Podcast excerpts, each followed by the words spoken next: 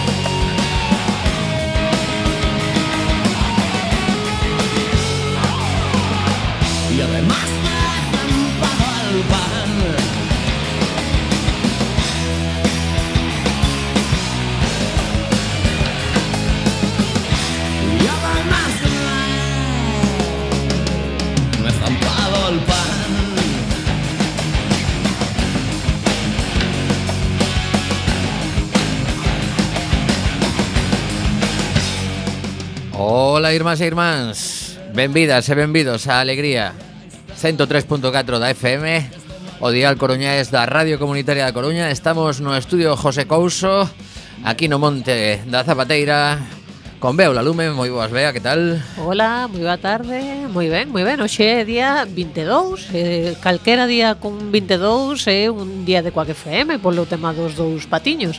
Mira, a miña boa dicía que todos os días 13 de todos os meses eran o día de San Antonio. Non me preguntes por qué, non me entendo desas cousas. Así que sempre podemos dicir que todos os días 22 de cada mes Pois son día de Coac FM Pareceme estupendo. Teño aquí unha cousa rebelde no móvil, vamos a poñer o modo avión, non sei que pasou. Claro, porque é o día de Quack FM, ah, somos rebeldes. Amiguiña, vais entón, a Entón o teu, o teu móvil tamén rebelde. Decidiu ter vida propia porque, claro, o móvil ven comigo, fago a publicación de Facebook antes de arrancar o programa. Todo eh, se pega. Quero o meu protagonismo. Roberto Catoira vai nos salvar un día máis dende os mandos técnicos. Moitísimas grazas, compañeiro. Sabedes que os martes son o día Catoira en Coac FM eh, eh, eh Oxe máis Oxe, eh, por triplicado ademais eh, Espera, que, que non está encendido no, o teu no, micro. Non, xa sabía Ahí. que falaba algo. Eh, tocoume falar na hora anterior, porque mm. falamos aí de temas do colexo nos que eu participara aí 20 anos. Caramba e quero pensar que xa non me vai tocar falar no seguinte, pero vamos, xa, xa, xa vou sair aquí cuaqueado totalmente. Bueno, pois pues, síntete moi libre para participar en Alegría, xa que non temos a, a Mariano, que non pode estar connosco. Ao mellor Aparece Isa Lema en calquera momento e botamos aquí un, unha repichoca con ela, pero iso, que Roberto, cando queiras, eh, dos múltiples temas que traemos hoxe, mm, un deses programas nos que non traemos eh, a ningunha persoa ao estudio, pero sí que vai a visitarnos un montón de xente, como por exemplo, Eh, foi a semana na que Eduardo Inda sobreviviu un ataque terrorista gravísimo dun cámara de televisión que eso, eso foi... Que eh, me contas? Sí, ah, pero non te que enteras. Foi, eh, para nada. Aí va, pero veo la lume de... Ti tampouco sabes nada do de Eduardo Inda, sí. Eu oír, oír algo de que a Eduardo Inda lle pasara algo estos días, pero non sabía que era. No, intento enterarme o menos posible dese de sí, tipo de agora que o di, sí que escoitei pero algún no chiste claro, por aí, pero non sabía vamos, de que, é que hai incluso... Ilústranos, ilústranos. Sí, sí, vou vos ilustrar. Eh, supoño que a maioría da xente que nos escoita, o mellor xa se enterou, pero resulta que outro día eh, publicou eh, no seu medio de comunicación non lembro exactamente eh, algo que se demostrou que era falso, non? Entón, estaba convidado a un programa de televisión, ponlle que ia a Telecinco algo, uh -huh. e no camiño de acceso ás instalacións desa esa emisora estaba agardando outro medio de comunicación, creo que era cuatro. Uh -huh. Unha reporteira cun micrófono uh -huh. e un cámara, vale? Uh -huh. Entón, no momento que Roberto, que, que Eduardo Inda vai a, a entrar pola porta do edificio, o cámara adiantárase e xa estaba dentro. Ajá. Entón, como que dá un paso e non calcula, non calcula ben o cámara para xa, botarse para atrás, choca no pescozo de Eduardo Inda a cámara.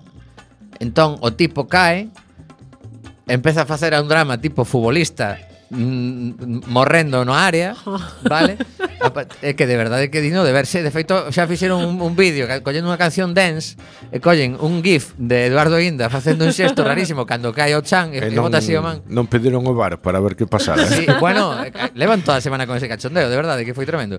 Entón, eh, Eduardo Inda cae Eh, eh, o primeira a súa primeira reacción Me has dado con la cámara, me has dado con la cámara Que sepas que tienes una denuncia Saca el móvil, empieza a grabar al tipo de la cámara lo, lo No, no, pero é que tremendo. A posteriori, a ver se, a ver se había repetición e no, xa o grababa para, como... Para, para ter probas ante a xustiza de que era un agresor malísimo Eh, claro, pois pues, de verdade que foi un cachondeo tremendo Sobreviviu Eduardo Inda a iso uh -huh. Cando lle estaban a preguntar pola enésima mentira Que publicara o seu xornal Que estaba demostrada que non era verdade uh -huh. Pero lle deu igual Eh, e nada, eh, así acabou esta, esta bonita historia que vos recomendo que busquedes o vídeo porque hai moito cachondeo con iso. Mm. Entón por iso digo que estamos vivindo a semana que so Eduardo Inda sobreviviu a un ataque semiterrorista por parte dun compañeiro cámara de, de outra televisión, claro. Bueno, pois pues, estas, estas semi sufriu un semiataque semiterrorista. Sí, sí, bueno, o, de verdade que o cachondeo que hubo en redes sociais con isto foi brutal porque claro, é o típico que chocas con alguén e tienes sí. unha denuncia me has dado con la cámara. que foi tremendo. Ah, ah, Hai xente que, que nos alegra a vida todos os días. Sí, eh? sí, sí. Eu, de feito, creo que o aire de Madrid, eh, así, agora coa folga de taxistas, que de feito imos comentar ao longo do programa, seguramente mm, con miles de taxis parados eh, colapsando Gran Vía e outras vías encendidos eso debe estar aumentando a, a, a polución en Madrid a, a ritmo axigantado que xa tiñan bastante. Eu, eu creo que debemos estar cerca da apocalipse porque eu escoitei hoxe a Joan Gaspar nacer. Joan que, Gaspar, pero que hoxe, que hoxe en Madrid fora por primeira vez na súa vida no metro porque como había folga de e chegou no avión e tiña que ir a Ifema Ajá. e non había forma claro. e xo foi no metro e e tampouco me pareceu tan, tanto esforzo vamos, o que baixou vai, vai varios escalóns na evolución no mesmo día bueno, terrible, bueno. terrible Ai, que planeta no que vivimos. Bueno, pois imos aproveitar hoxe que temos así máis tempo aínda que hai moito que contar para darvos o noso teléfono de contacto por si queredes eh, compartir a vosa experiencia vindo o vídeo de Eduardo Inda ou algunha desas cancións con, con GIF incorporado que se fixeron 881 01 2232 881 01 2232 é o teléfono directo do Estudio José Couso de Quack FM e temos un WhatsApp por se queredes tamén comunicarnos eh, de xeito telemático e gratuito algunha cousiña 644 73 73 03, así de doado. E hoxe recuperei a un dúo eh, de artistas para comezar o programa que estiveron unha vez na nosa cidade e deixaron pois eh, deso que se chama un bo sabor de boca eh, de cando en vez os atopo por redes sociais eh, viven un paraxe perdido polos Estados Unidos aí cara ao noroeste, un pouco a zona vamos a chamarlle equivalente a Galicia dentro da península, pero en Estados Unidos eh, hai unha, unha illa, non sei nin como se chama os seus nomes son eh, Dave McGraw e Mandy Fair e cantan así de chulo. Escoitamos en alegría esta primeira canción e a volta novas.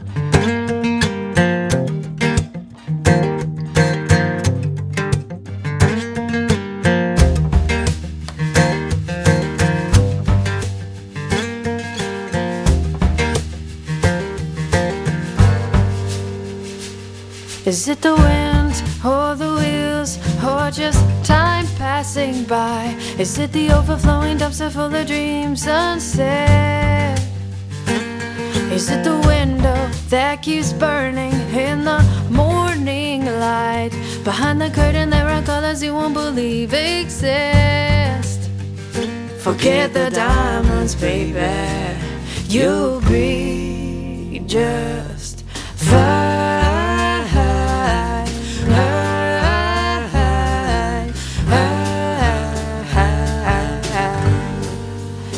You'll be just fine.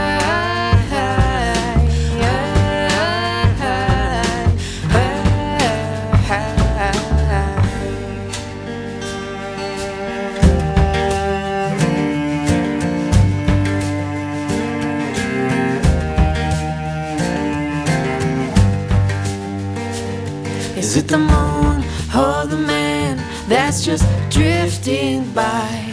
Every minute you wish you could be alone, he storms in with the lightning and the thunder. It's a distant cry, like a baby being baptized by a priest with cold hands.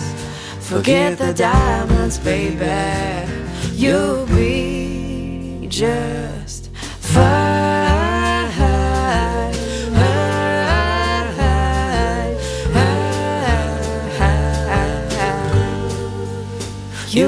Yeah.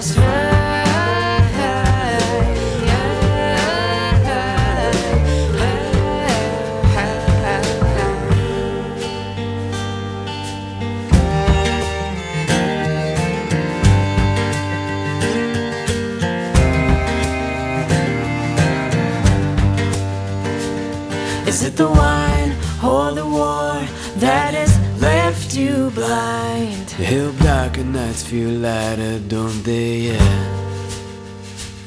The hill darker nights feel lighter, don't they? Yeah. The help darker nights feel lighter, don't they? Yeah.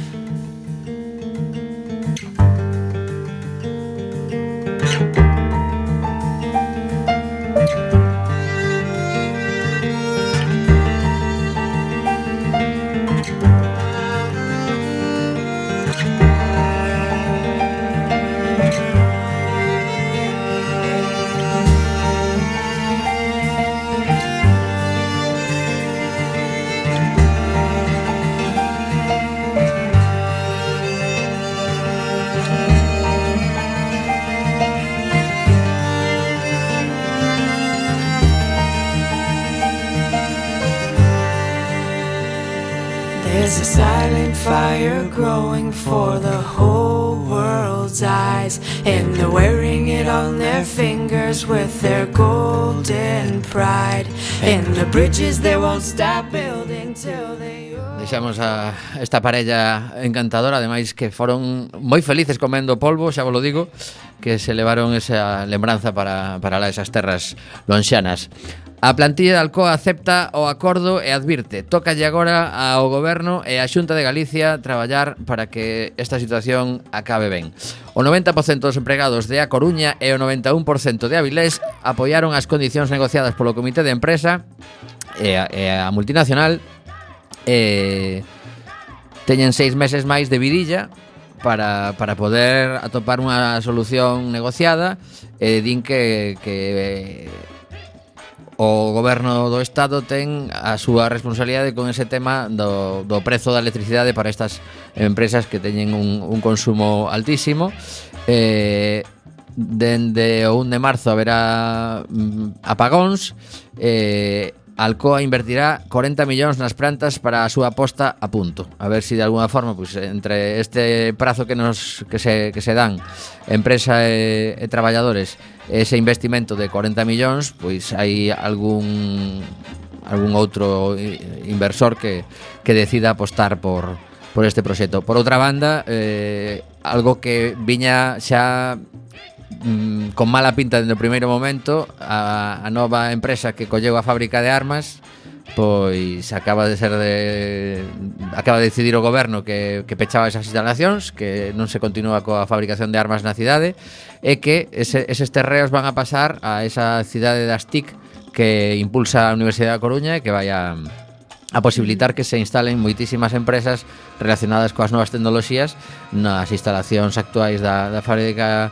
de, de armas e posiblemente pois haxa máis usos, incluso pois a primeira zona na que se pode disfrutar por parte da cidadanía coruñesa de, de instalacións comuns que tiñan no seu momento os, os antigos traballadores da, da fábrica de armas, agora son instalacións municipais. Durante o verán hai unha das piscinas que funciona, a outra, pois polo que eu sei, a piscina grande, a, a que sería para adultos, non chegou a funcionar en ningún momento, pero sí que é certo que hai ali unhas instalacións deportivas bastante obsoletas, pero que, que un día chulo que te saia, ten unha cafetería tamén, así que se si son, si non o probachedes nunca, é un sitio para estar bastante tranquiliño e ter os, os peques por ali xogando e ti podes estar tomando algo ou xogando tamén.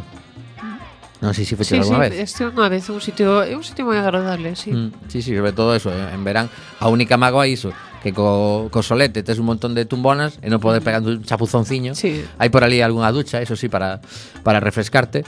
Pero bueno, pois nada, a xente de, de Alcoa que estivo aquí no programa Sin Etiquetas explicando toda a súa problemática nun programa monográfico, pois agardamos que, que esta, este acordo que aprobaron onte tanto os, os traballadores e traballadoras de, de Avilesa e da Coruña pois que posibilite que, que ao final haxa un final feliz, pero bueno, queda moito por, por traballar. Teño máis cousas. Hoxe tamén mm, soubemos que Cristiano Ronaldo e según cuenta Infolibre en concreto, eh, presentou un documento que pasa que un documento eh, a información de Infolibre é só para socios, eu non son socio de Infolibre, polo tanto non podo acceder, pero contan deso que te deixan ler uh -huh. que hai un documento que presentou con data de 2008 pero que, segundo este xornal digital, é de 2014 que lle permitiu conseguir que, en vez de eh, a, enfrontarse a unha condea de sete anos de cárcere, se rebaixase e finalmente é condeado a 23 meses de cárcere e 19 millóns de multa por defraudar a facenda. O sea, non ingresa en prisión polos pelos, porque son eh, unha pena menor de dous anos. A min foi iso que me chamou a atención, que dicen, cara, que puntería, xusto 23 meses, non? Non podía ser 25 a ver, porque así, aquí eh, hai, hai... Está moi, moi, moi, moi pensado todo. Eh? Era, era un acordo que había previamente xa uh -huh. para que abonase sin problema, porque mellor dicían, vale, metemos máis, pero non paga.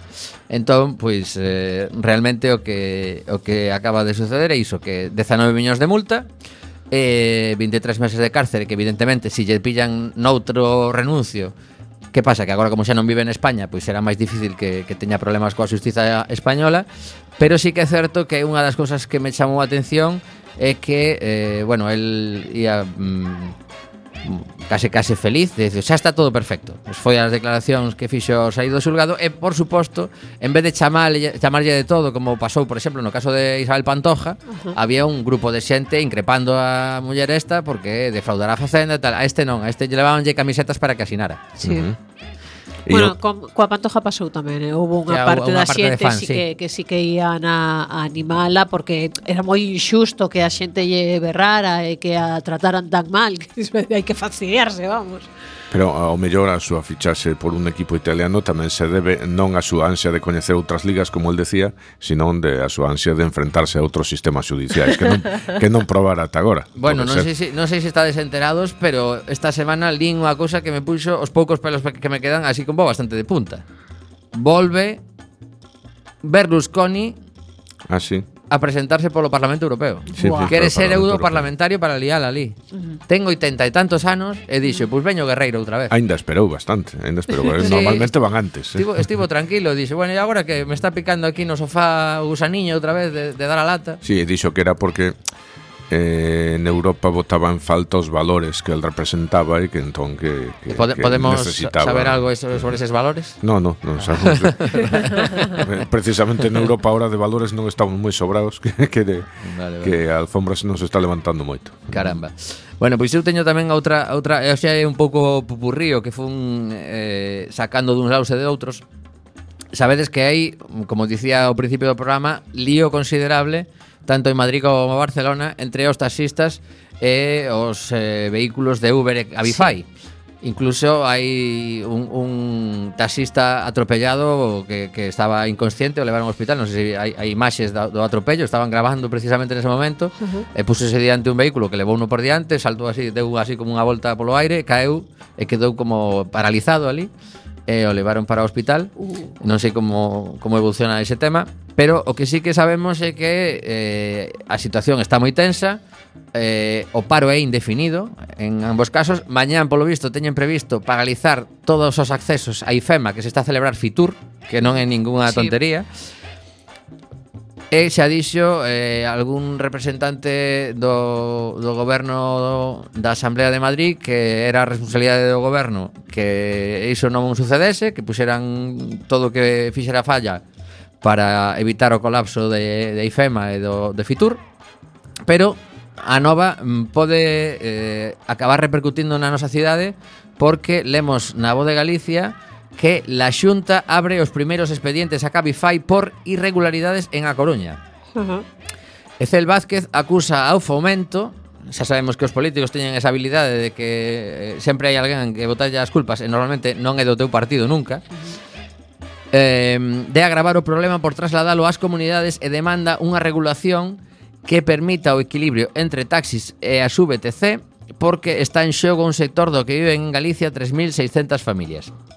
E nos contan aquí en concreto de, de onde ven a, a xogada esta eh, Apertura de expedientes a Cabify por irregularidades en A Coruña, cidade na que desembarcou recentemente. A policía local, neste caso é curioso, que eh, semella que, digamos, a, a cadea de competencias ven Primeiro, o Estado eh, dictou unha norma xeral, despois deixou que as eh, diversas autonomías concreten un pouco máis e tiñan algo que apreciar, pero que finalmente sexan os concellos os que mm, determinen a última normativa. Por eso hai tanto lío, porque, eh, claro, realmente din, en moitísimos sitios non vai haber ningún problema porque non hai, non hai demanda suficiente para estes vehículos, non vai haber ninguén que intente vivir en Coristanco disto. Xa. Claro, entón nos seguimos ás grandes cidades, vale?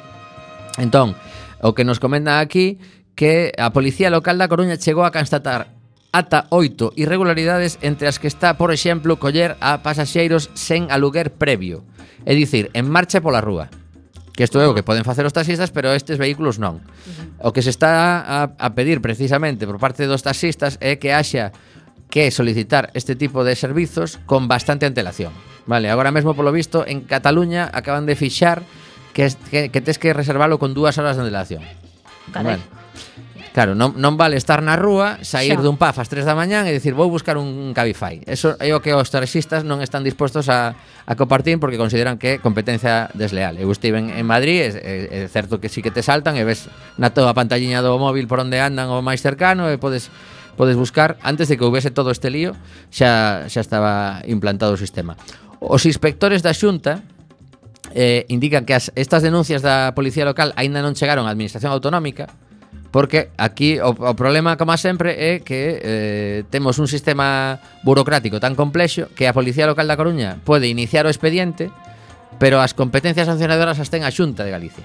Ajá. Entón, ten que mandarlle aos inspectores eh, mm, o lío está asegurado porque seguramente si, si tarda moito en, en resolver os expedientes, pois, eh, por exemplo, en, en concreto di aquí, os inspectores da Xunta de Galicia que sí que hai, polo visto, constataron a semana pasada dúas infraccións da plataforma Cabify con dous vehículos que non portaban as preceptivas placas de servizo público.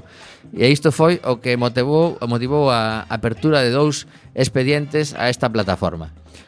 Logo está outro lío máis, eh, engadido, que están falando de si eh, os taxistas se funcionan moitos deles como autónomos, salvo que algúns o mellor se, se xan contratados, sabes que a licencia sí. é dunha persoa, pero para que o, o taxi circule máis horas, pois contrata sí. a outras persoas e si estas compañías, tanto Uber como Cabify, mm, contratan por conta llea ás persoas que vayan a estar circulando por aí. Vamos, que temos líos para rato. E ademais, eh, como a, a política hoxe está máis quente que nunca, porque sabedes que incluso eh, hoxe se están a votar a favor ou en contra no Congreso dos Deputados ata oito decretos lei que aprobara o goberno, pero que tiñan que ser ratificados polo Congreso. Uh -huh. O primeiro deles, que era un dos máis eh, polémicos eh, e importantes tamén, porque repercute en moitísimas persoas, que un decreto sobre os alugueres de pisos, de vivendas, uh -huh pois xa foi tumbado pola oposición. E eh, Podemos, que eh, cando estivo negociando os orzamentos xerais do Estado, puxo en riba da mesa a necesidade de que houvese un límite do prezo dos alugueres, o goberno considerou que eso non non procedía ou non se podía, ou non sei que, pero mm, non non incluíron. Que sucede agora? Que Podemos votou en contra igual que votaron o PP e demais e demais partidos a esta este decreto que aprobara o goberno. Por lo tanto, queda eh, sen, sen validez e regrésase a lei que existía previamente. Que dicía Podemos? Rectifique, señores do Partido Socialista, neste caso o partido o goberno, que rectifique ese decreto, mm, sentémonos a, a negociar e levémoslo de novo ao Parlamento, Pero que fixo o goberno? Dicir hoxe que se non se aprobaba, que eles non ia facer nada máis, que quedaba a lei como estaba antes e listo. Mm, conclusión que saco eu? Pois preocupación. Moita preocupación porque realmente eh, unha vez máis eh, teño varios artigos hoxe que mm, ao mellor aínda nos dá tempo a comentalos eh, o que aprendemos é que non somos quen de, de, de chegar a acordos consistentes a, entre, vamos a chamar entre as esquerdas. E iso, claro, mm, dá moitas alas aos fenómenos mm, que están do outro lado é que se un partido que está no goberno en minoría di, non, non, se aproba así ou non se aproba, pois pues, o normal é que non se aprobe, obviamente. Claro como é lógico. Como dicían o resto, tedes 84 deputados, uh -huh. estades facendo as cousas como se tiveses maioría. Uh -huh. eh, claro, así é moi difícil avanzar. Non é fácil, non? Home, dende logo hai que chegar a acordos, pero tamén é normal que non se chegue a acordos en todas as cousas. Entón, tamén o, o tema de, claro, que se non chegamos a acordos, non damos avanzado. A ver, nisto non se chegou a un acordo. En todas as outras cousas que, porque aí o que hai que facer é un balance, claro, evidentemente na prensa sempre se lleva a dar máis máis importancia ao que dá polémica, ao que non saiu, ao que non se chegou, pero non lle dá tan tanta importancia, nin nós como uh -huh. consumidores eh, lle damos tanta importancia ao que si sí se fixo, aos acordos que si sí se chegaron. Pois pues mira, estou, estou precisamente agora mesmo, eh, casi en directo, pero imos facer unha cousa. Imos escoitar a segunda canción do, do programa, eh, antes da Iconova facemos un previo porque eh, está a información subida xa en congreso.es que é o, o portal oficial do Congreso dos Deputados, que está sucedendo hoxe con eses eh, oito decretos que comentaba. Vale, a ver si, como di Bea, noutros casos sí que hubo acordo e se, e se chegou a, a aprobar. Por lo tanto, escoitamos a Mr. Bob Dylan porque o día 29 de abril, xa sabes que vai a estar actuando en Santiago de Compostela. Eh, f, non sei, pero a mí me dá que podería ser a última vez que o vexamos en directo en Galicia. E eh, quedan Exactamente, eu mirei antes de vir para aquí e quedaban unhas 110 entradas dispoñibles. E ningunha delas costa menos de 99 euros. Polo tanto, xa os que se poden permitir esas entradas xa pois é un grupo reducido, o resto do multiuso está todo vendido. E eh, nada, que escoitamos unha unha cancionciña deste bo home que ten temas chulos para regalar.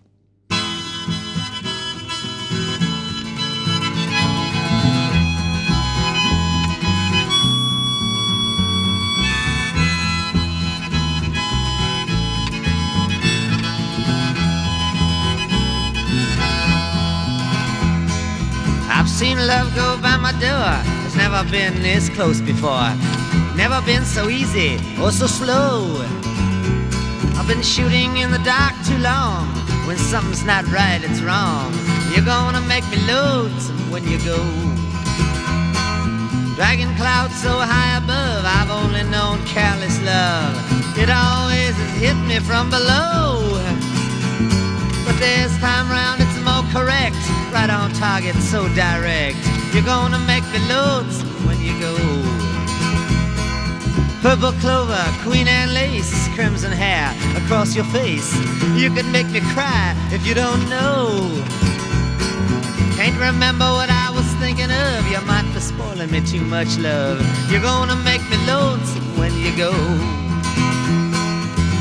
Flowers on the hillside blooming crazy. Crickets talking back and forth in rhyme. Blue River running slow and lazy.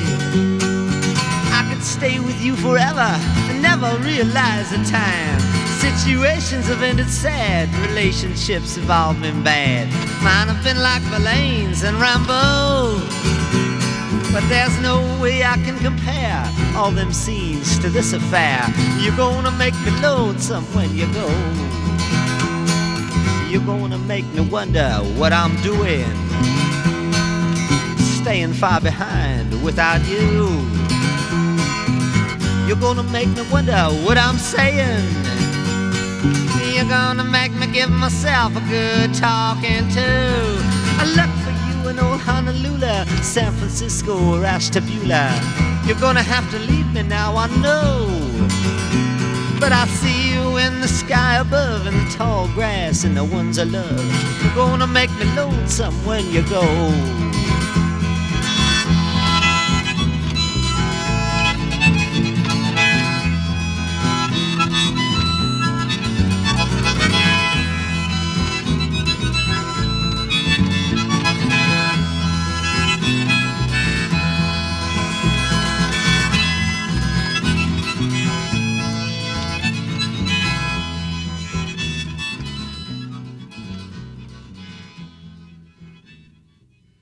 Bueno, pois estamos aquí repasando eh, e Bea ten razón. Bea dicía, pois seguramente das cousas que se aprobaron non se fala moito, eh, precisamente de todos os decretos que había en riba da mesa hoxe, pois eh, quedaron aprobados todos excepto precisamente o da vivenda que é do que máis se fala.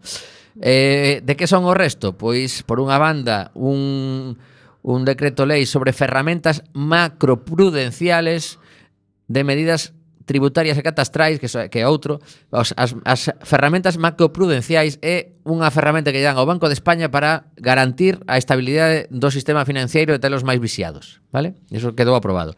Medidas tributarias e catastrais, pois tamén quedou aprobado. Transporte ferroviario e marcas, que ven eh, a adaptar o, a normativa española a, a comunitaria da Unión Europea. Os salarios do sector público, a subida foi aprobada pola mm, inmensa maioría do Congreso, 343 uh -huh. votos a favor e ningún en contra. Hai que dicir que eh, eh son 350 diputados, ou seja que 343 é moito, E, que de feito igual os sete que non no, votaron, votaron a favor no era porque estaban. non estaban precisamente, claro, non, claro. ni sequera porque non estivesen a favor. Sí. Efectivamente, despois aprobouse tamén o decreto do 28 de decembro que, que para a xente que estamos no traballando no sector artístico e cinematográfico é bastante importante porque hai hai unhas cantas can, eh, pois eh, normas que que afectan, aínda que tamén hai certa discrepancia ao respecto pero agora que queda aprobado, pois hai que analizalo con máis calma.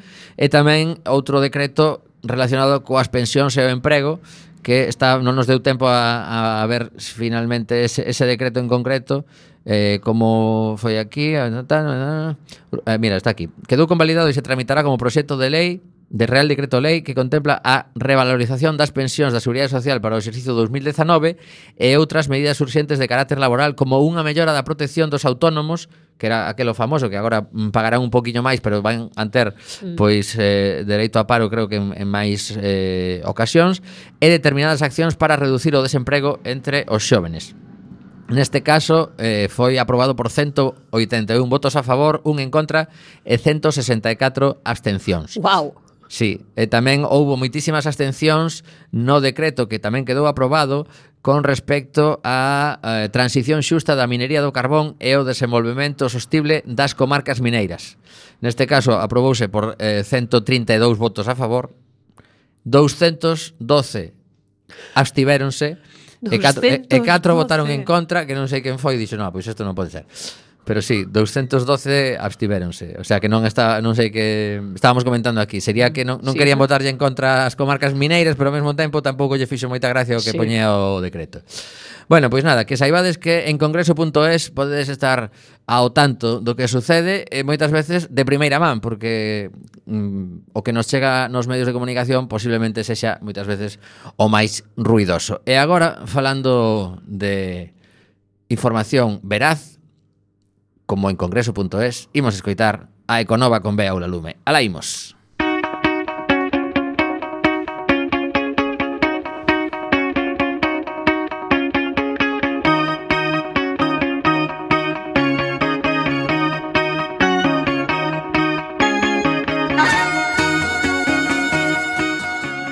Estamos en Guac FM 103.4 no teu día, les escoitando Alegría, hoxe 22 de xaneiro de 2019, son as 6 e 35 minutos da tarde e xa sabes que se non estás neste día ou nesta hora e que nos escoitas en redifusión. Chegamos ao apartado da Econova e empezamos falando un poquinho do glifosato que xa había tempo que non falaba eu do glifosato e xa parece que me faltaba glifosato en sangue incluso. Nos falan da pouca credibilidade nos análises da UE sobre o glifosato. Resulta que... Quen, eh, quen, quen nos fala diso? Pois tres grupos do Parlamento Europeo, socialistas, verdes e esquerda unitaria, mm-hmm. encargaron un informe que resulta que demostra que capítulos importantes da evaluación científica que conduxo á aprobación do glifosato pola Autoridade Europea de Seguridade Alimentaria son froito de plaxio en máis de un 50% e de eh, copipega en máis dun 50% 70%. Os dous autores deste estudio son un coñecido cazador de plaxios austríaco chamado Stephen Weber e un bioquímico e denuncian que o informe da xencia que levou a cabo o estudio que o Instituto Federal de Evaluación de Riscos alemán intenta presentar o seu traballo como unha valoración independente que es, es, é o que se supón que ten que ser un traballo desta magnitude cando en realidade a autoridade o único que fixo foi repetir a evaluación evaluación da industria solicitante. Para ser exactos, párrafos entero, enteros do informe de evaluación son unha copia literal do dosier de homologación do glifosato enviado ás autoridades europeas por Monsanto, o noso querido Monsanto, e os seus aliados industriais reunidos nun grupo con cun nome tan revelador como é Grupo de Acción do Glifosato. Ou sexa, que como no, que ti és o, o xuiz e tes que escoitar a dúas partes e, e tes un tapón directamente nun lado e só colles todas as... Todo e seguramente alguén cobrou por presentar ese documento momento. O digo eu. Di que a, a xencia alemana copiou incluso a explicación que daba Monsanto sobre o enfoque do propio Monsanto para avaliar a literatura publicada. Ou sexa, unha independencia moi dependente. Isto, isto dá para unhas escoitas de Villarejo perfectamente, eh? porque aí cheira sobre de forma moi considerable. Non sei moi ben se este estudio vai servir para algo, dende logo sirve para denunciar algo que, que é terrible, quero dicir que seguimos tendo glifosato por culpa dun informe que era eh, totalmente volcado cara dun solo lado e non era dependente.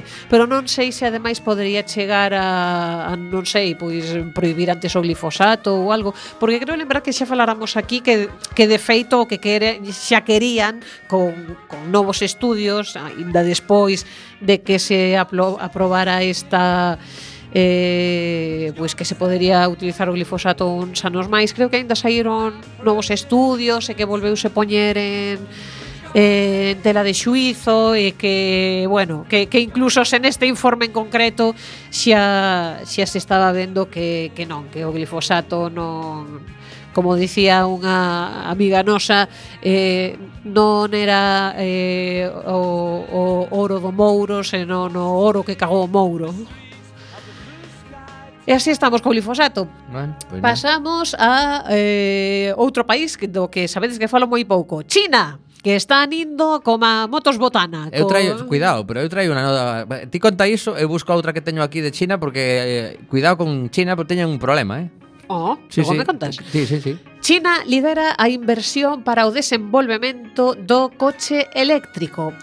Eh, ainda que neste caso non é exactamente eso por China, que xa sabemos que, que están desenvolvendo todo tipo de estudios e de proxectos para ser cada vez máis máis verdes.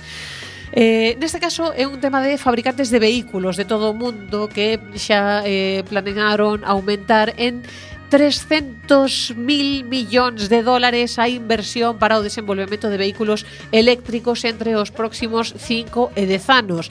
E case un tercio deses 300.000 millóns, ao redor dun de 91.000 millóns de dólares corresponde só ao grupo Volkswagen, que mira que ben, que queren meterse máis no tema verde.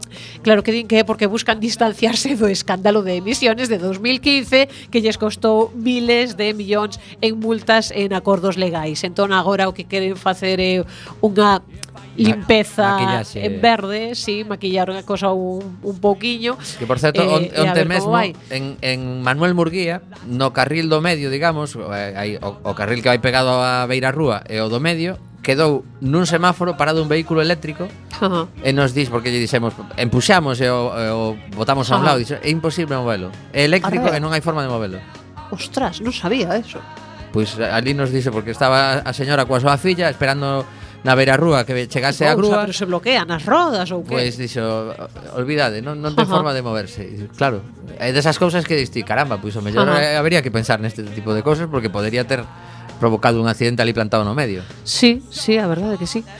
Eh, pois rematando co tema este de, de entón que ten que ver eh, que China con Volkswagen, pois que eh, Volkswagen se decidirá polo mercado chino.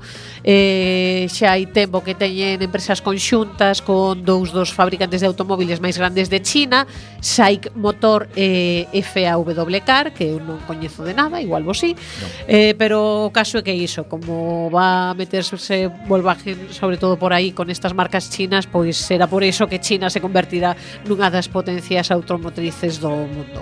Bueno, pois agora chega o problema de China. Mm, eh, leo en elconfidencial.com eh, de hoxe mesmo, China se hace vieja antes de hacerse rica. La tasa de natalidad cae a su mínimo histórico. Claro, para o ritmo de crecemento que ten esta xente, como non haxa unha renovación falando dun país mm, o máis poboado do mundo, pois é un problemón. O desafío demográfico que se enfrenta a este país é inmenso. O declive da forza laboral e o rápido envellecemento da poboación ameazan cun estancamento económico ao estilo de Xapón. E ven aquí unha foto simpática dun, dun bebé. E logo nos contan, dramático anuncio da Oficina de Estatísticas en China. Pese ao cambio histórico emprendido por Pequín para paliar as consecuencias de décadas de control da natalidade, a cifra de nacementos ten caído ao seu nivel máis baixo dende a fundación da República Popular China en 1949. Home, a ver, eso ten certa lógica, tendo en conta que así o planearon, quero dicir, Claro, só claro, podías claro. ter un fillo Que sí, por sí, cada que- matrimonio, e creo que podías ter un segundo se pagabas ou algo así, non lembro exactamente, pero por principio só podías ter un.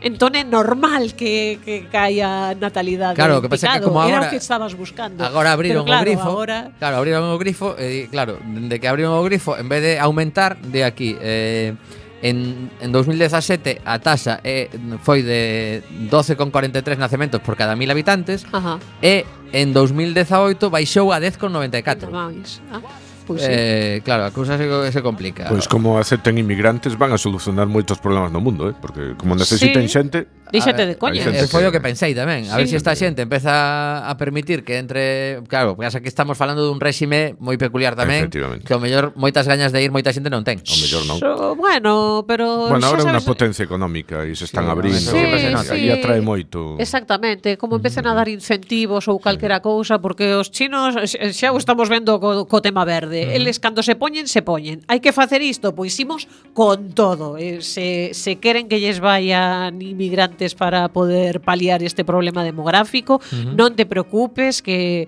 vas ter comida china de regalo durante tres anos, e eh, poñémosche o piso, a sí, bici... Eh. Sí. Esto, seguramente terán un bo equipo de xente pensando ao respecto. Mira, en 2015 o Partido Comunista de China puxo fin a máis de 30 anos da política de fillo único. Uh -huh. Para que todas as parellas do país puidesen ter ata dous fillos. Cuidado, tampouco nos desmadremos, eh?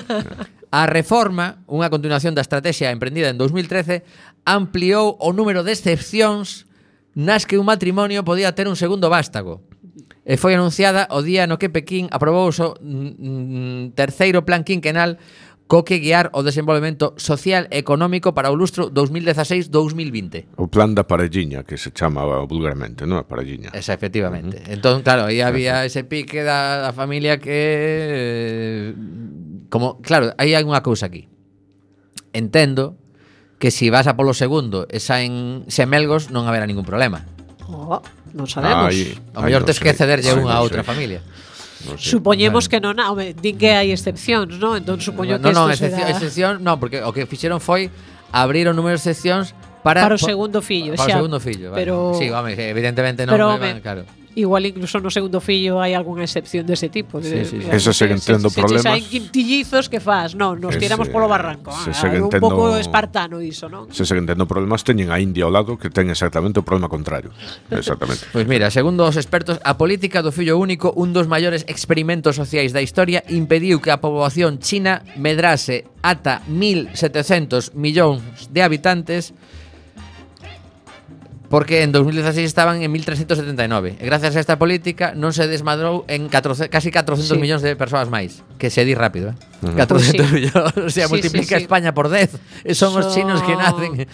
Son moitas bocas en un espazo caramba, caramba. que diga que non sí, sí. limitado. Estamos, claro. 1379 millóns de que chinos. Que xa somos un porrón de xente, somos 8000 millóns agora. Claro, pero ti sumas metelle 1000 millóns Estados Unidos claro, en eh, superficie máis ou menos como China e ten 300 e pico millóns de habitantes. Estos claro. teñen 4 veces máis. Si sumamos, ah. si sumamos teñen que parar Unidos, porque senón eh. se lles vai. Claro, é que é unha barbaridade. Uh -huh a de xente que hai ali.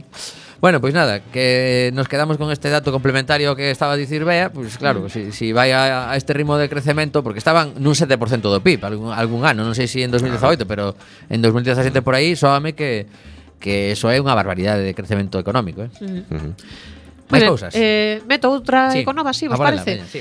Pois eh, aumenta a temperatura do permafrost. Eh, hai tempo xa que falamos do permafrost e gustame lembralo cíclicamente porque non é destas cousas que estean moi eh, dos titulares dos periódicos precisamente, pero creo que son interesantes e está ben que, que as lembremos. Uh -huh. Eh, o permafrost é o chan que se mantén conxelado como mínimo dous anos baixo superficie, pero hai moitísimos lugares no mundo no que o permafrost é permanente realmente, non é que este aí dous anos, non, non, é que leva así pois igual séculos e séculos. Por, pois por primeira vez levouse a cabo unha revisión do estado deste permafrost na Terra a través de 120 perforacións distribuídas por todo o mundo, no Ártico, na Antártida, eh, dende altas montanas ata llanuras elevadas en todo o planeta. Eh, obtiveronse datos entre 2007 e 2016, evidenciando que as temperaturas en sectores de permafrost continuo aumentou uns 0,4 grados centígrados, mentres que o permafrost discontinuo eh, cantouse uns 0,2 eh, grados centígrados, que diredes, a ver, igual como para pánico non é, non é moita cousa. Pero resulta que a presencia ou a ausencia de permafrost no chan condiciona os ecosistemas de numerosas áreas situadas en montañas en latitudes elevadas e a desconxelación do permafrost ocasiona a liberación de dióxido de carbono e de metano. Explícome, vos imaginade. Chan, con erva, con árbores, con follas que caen e tal, todo iso se conxela. Mm? Uh -huh. Pero o, o, o material que estaba vivo, aí metido, a erva, as follas, os animaliños que morreron e que tal, eh, quedan mm, eh, en estado de semidescomposición. Claro, quedan conxelados, pero se quitas a conxelación, que pasa? Que todo iso que dentro dun ciclo normal se iría descompoñendo pouquiño a pouquiño, de repente tes un montón de cousas mortas descompoñéndose ao mesmo tempo. E todo iso libera moito CO2 de golpe. Vaya. E non vos vou contar que agora mesmo co tema do cambio climático pois temos un pequeno problemiña co exceso do eh, CO2 e esperamos evitar que haxa máis. Así que non é cuestión de dar ideas co permafrost, pero é que o problema non é somente iso. E hai solución? Sabemos de algunha solución para isto ou non? No, no, realmente está eh, non que eu saiba non hai nada específico para o permafrost. Hai o, o xenérico de combatir o quencemento global e eh, procurar paralo ou polo menos disminuílo progresivamente ata detelo e eh, non chegar a un quencemento tan bestial pois que quedemos sen permafrost, por exemplo. Eh, por outro lado, como vos dicía, eh, o Permafrost é así en moitísimos lugares do mundo. Entón, eh, se construe directamente en riba do permafrost. Entón, se o permafrost empeza a quentarse, aínda que non se derrita de todo, o feito de que eh, se vaia desfacendo pouquiño a pouquiño, se ti tes edificios en riba, pois iso vai crear un problema, porque vai empezar a haber eh, desestabilizacións, podería provocar afundimento en edificacións que se teñan levantado en el. E hai que ter en conta que máis do 60% do territorio ruso está situado nun ambiente de permafrost, así como unha cuarta parte da superficie terrestre só no hemisferio norte, así que estamos falando de moitas edificacións encima de permafrost. Como vedes, o permafrost destas cousas que non se falan, pois é máis importante do que parecía. Como entre, a semana pasada area, coa área. Entre área o permafrost temos un lío aí montado que xa veredes. Efectivamente. Bueno, pois nada, eh, vea adiantándose as novas tendencias, eh, agardamos que os científicos atopen solución para todo isto porque se non temos outro lío, igual que teñen os chinos co tema da tasa poblacional, cuidado, que en Galicia tamén temos un problema de carallo. Sí, o sea, sí, que sí. tampouco hai que ir tan lonxe para falar dos problemas. En España en xeral e en Galicia en particular. Pois sí. Continuamos nestes últimos minutos de programa con algunhas novas que nos apetece contar antes de rematar. Estás escoitando Alegría en Cuac FM 103.4 a Radio Comunitaria da Coruña. E aínda tes a oportunidade de mandar un WhatsApp. Lembra que si non é martes e non é de 6 a 7, nos estás a escoitar no teu vehículo ou na túa casa en redifusión, polo tanto non mandes nada porque non imos estar aquí.